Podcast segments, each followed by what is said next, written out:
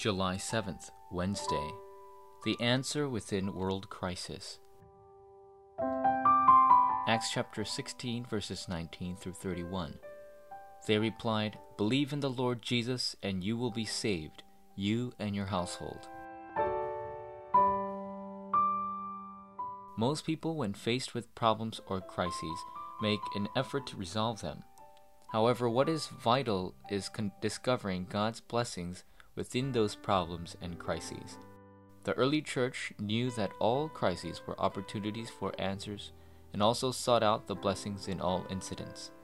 Knowing this truth, we must uncover blessings in our daily schedules. Number 1. Filling of the Holy Spirit. You must always enjoy the filling of the Holy Spirit and gain strength through prayer. Then the work of all of God's works being fulfilled will take place.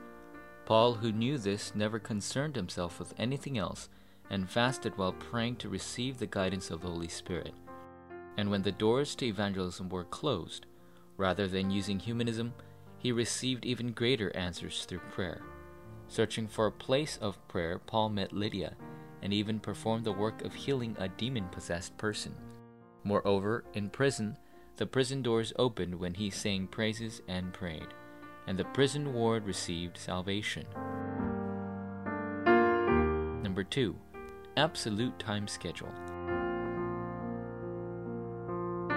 When you enjoy the absolute time schedule prepared by God, the works will arise.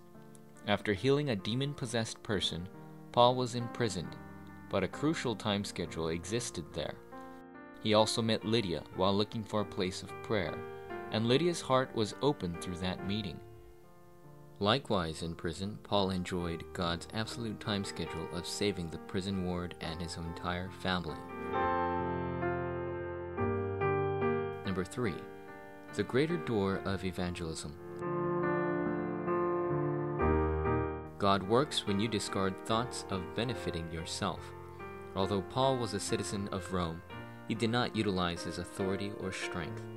The reason was because he saw a greater door of evangelism. In addition, he considered all other things besides the gospel rubbish and gave the important confession of wanting to be discovered by Christ. Also, he cast himself aside to the extent that he confessed that he has died and Christ lives through him, and said that he is who he is by the grace of God. Forum topic A child of God who possesses the gospel must be capable of discovering God's plan and blessings amidst problems and crises.